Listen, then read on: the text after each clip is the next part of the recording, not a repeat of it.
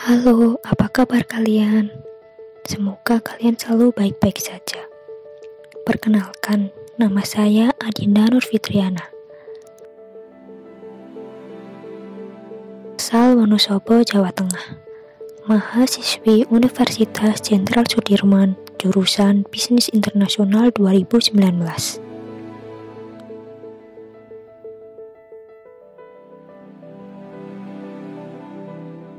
Kali ini, saya akan sharing informasi, pengalaman, serta tips mengenai tes apa aja yang dilakukan saat akan menjadi pekerja baru.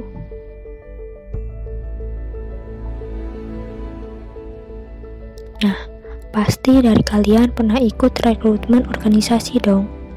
Menurut saya, itu hampir sama dengan kayak kita akan lamar pekerjaan. Yuk, simak ada apa aja sih tesnya. Ada banyak tipe tes yang diberlakukan. Setiap perusahaan atau pembuka lapangan pekerjaan memiliki kriterianya masing-masing. Tipe tes tersebut di antaranya tes tertulis. Tes tertulis terdiri dari tes IQ. Tes IQ pasti kalian sudah tidak asing lagi dengan tes ini. Yap, pada tes ini akan ditanyakan seberapa pintarkah Anda. Jadi, nanti pada tesnya akan diberikan jadi nanti pada tesnya akan diberikan beberapa pertanyaan yang berkaitan tentang kecerdasan yang nantinya akan berkaitan pada sikap Anda. Yang kedua, ada tes fisik. Pada tes ini biasanya hanya dibutuhkan oleh beberapa pekerjaan yang memang memerlukan asuransi kesehatan agar tidak menghambat pekerjaannya. Contohnya saat tes CPNS diperlukan tes fisik. Kenapa? Karena nantinya akan bekerja yang memberatkan dan ditempatkan di lingkungan baru. Yang ketiga, ada tes sikap biasanya akan diberikan sebuah pertanyaan yang berkaitan tentang bagaimana Anda bersikap apabila terjadi masalah saat bekerja. Ya, semacam problem solving gitu. Uh, yang keempat, ada tes bakat. Tes ini biasanya dilakukan pada pekerjaan yang mementingkan kemampuan dalam bidang tertentu. Contohnya saja, sebuah studio foto lebih penting mencari kemampuan dalam bidang fotografi dibandingkan nilai ijazah. Yang berikutnya, yang menguji kemampuan pelamar dalam menggunakan pengetahuan dan keterampilan dalam sebuah pekerjaan yang menjadi pusat keberhasilan kerja. Simulasi kinerja bisa dilakukan melalui video simulasi, miniatur, manajemen games, ataupun 3D virtual. Sebagai contoh, pada sebuah kemiliteran, simulasinya menggunakan 3D virtual seakan-akan sedang perang. Yang berikutnya itu wawancara. Pasti kalian juga tidak asing dong dengan tes ini. Teknik seleksi yang sudah umum digunakan ini justru akan menentukan bagaimana kita dapat menjawab pertanyaan dari pemimpin ataupun yang sudah ditugaskan. Pengalaman saya sendiri, saat saya magang ditanyakan perihal kenapa tertarik mengikuti, kelebihan, kekurangan, dan sebagainya. Selanjutnya terdapat background investigation. Background investigasi pada teknik ini biasanya sebuah perusahaan atau pembuka lowongan pekerjaan memeriksa informasi pelamar melalui Google atau sosial medianya. Nah, itulah gambaran umum tipe-tipe tes yang biasa digunakan untuk melamar pekerjaan. Hmm, selanjutnya, saya akan memberitahu bahwa pada sebuah pekerjaan melakukan tes itu sangat penting. Kenapa? Karena untuk mencapai orang yang cocok dengan pekerjaan yang diperlukan dan mengurangi perekrutan yang lalai artinya untuk mengurangi adanya orang dalam dan sebagainya. Hmm, Setelah saya memaparkan penjelasan di atas, kali ini saya akan sharing pengalaman saya mengenai tes yang pernah saya ikuti saat melamar pekerjaan pada sebuah organisasi di kota Wonosobo. Awalnya saya kira hanya mengirimkan data diri. Ternyata setelah beberapa hari ada pemberitahuan bahwa calon anggota harus mengikuti interview. Itu merupakan interview pertama saya di tahun 2018. Rasanya tidak tenang. Walaupun organisasi yang sedikit santai, namun tanggung jawabnya besar. Organisasi tersebut bertugas untuk mengeksplor pesona wisata, budaya, ataupun acara yang ada di Wonosobo. Nah, hari untuk interview pun tiba. Ternyata pesertanya rata-rata usianya lebih tua dari saya. Saat itu, di tempat interview hanya saya sendiri yang berstatus pelajar. Dari situ saya mulai berpikir, apa saya bisa ikut lolos untuk menjadi bagian dari organisasi tersebut. Hmm, giliran saya pun tiba. Saya bertemu dengan penanggung jawabnya. Di situ saya ditanya mengenai tujuan saya mendaftar, apa yang diketahui dari organisasi tersebut, dan sebagainya.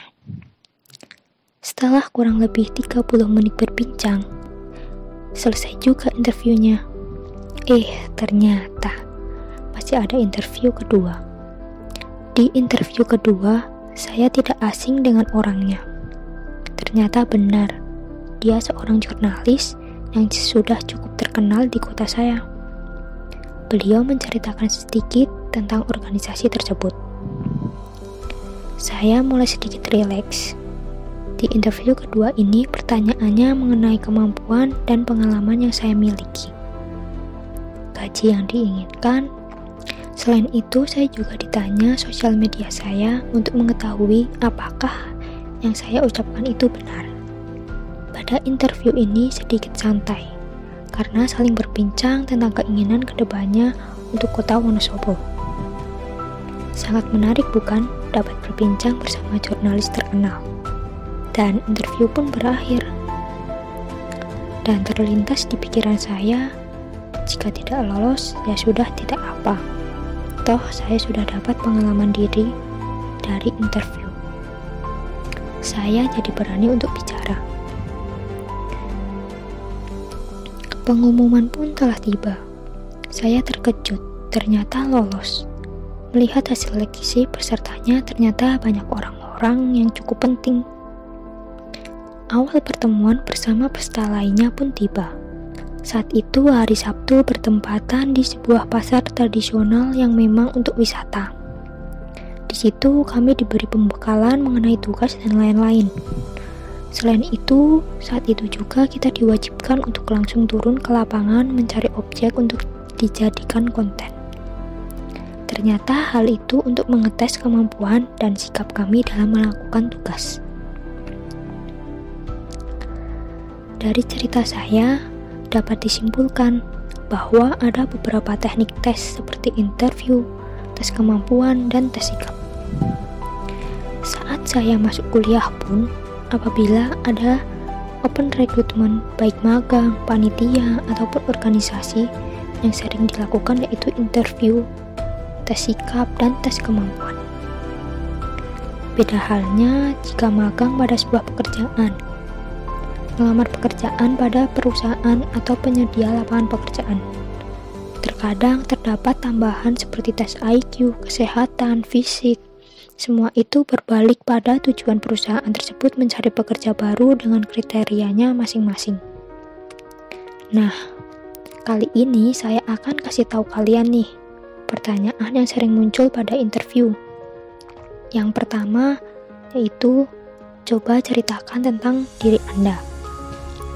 Saat diminta mendeskripsikan tentang diri Anda, bukan cuma kepribadian dan kesesuaian karakter Anda dengan perusahaan yang ingin diketahui pewawancara.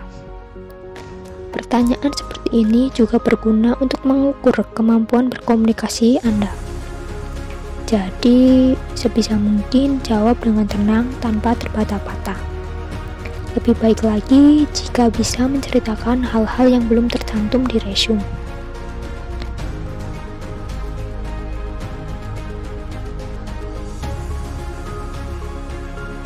Hmm, kemampuan Anda perlu dipresentasikan diri juga dinilai lewat pertanyaan ini. Hmm, yang kedua itu, kenapa Anda tertarik melamar pekerjaan tersebut? Hmm, melalui pertanyaan ini, pewawancara ingin tahu sejauh apa keseriusan Anda untuk bergabung dengan perusahaannya. Yang ketiga yaitu uh, menjelaskan kelemahan Anda.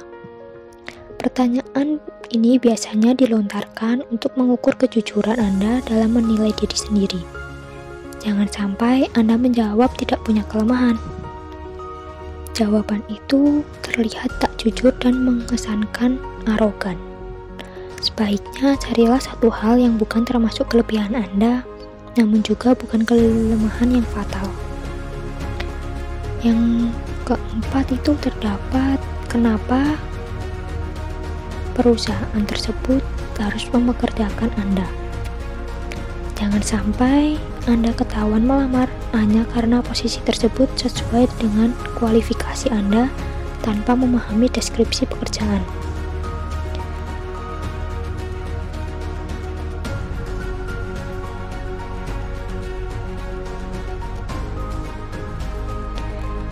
Yang berikutnya itu saya akan memberikan tips agar lolos interview.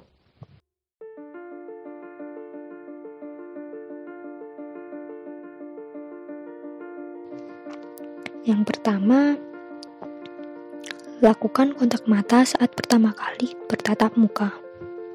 Sebisa mungkin, menghindari rasa canggung dan tatap mata si pewawancara saat kamu pertama kali bertatap muka atau bersalaman dengannya. Selain itu, jaga kontak mata selama sesi wawancara berlangsung.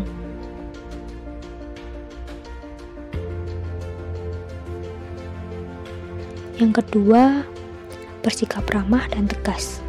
Saat menjawab pertanyaan, sebisa mungkin untuk tegas dan tidak pelin-pelan. Dan diusahakan volume suara agak keras agar pewawancara yakin terhadap Anda. Yang ketiga itu jawab pertanyaan ala kadarnya.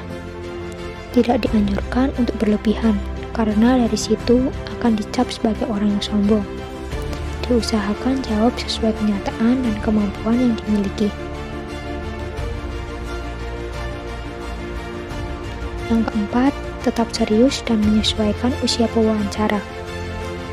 Artinya, kita tidak boleh cengengesan dan saat menjawab pertanyaan disesuaikan sama usia pewawancara. Sebagai contoh, apabila pewawancara terlihat lebih tua dari kita, kita tidak dianjurkan untuk membicarakan hal-hal yang kekinian. Yang hal tersebut tidak diketahui oleh pewawancara. Yang kelima, tak perlu berbohong demi menyenangkan pewawancara. Siapkan saja jawaban yang jujur dan solusi jika kamu keberatan dengan syarat yang dilakukan pewawancara. Hindari pula terlalu mengumbar beberapa detail negatif dari pekerjaan sebelumnya.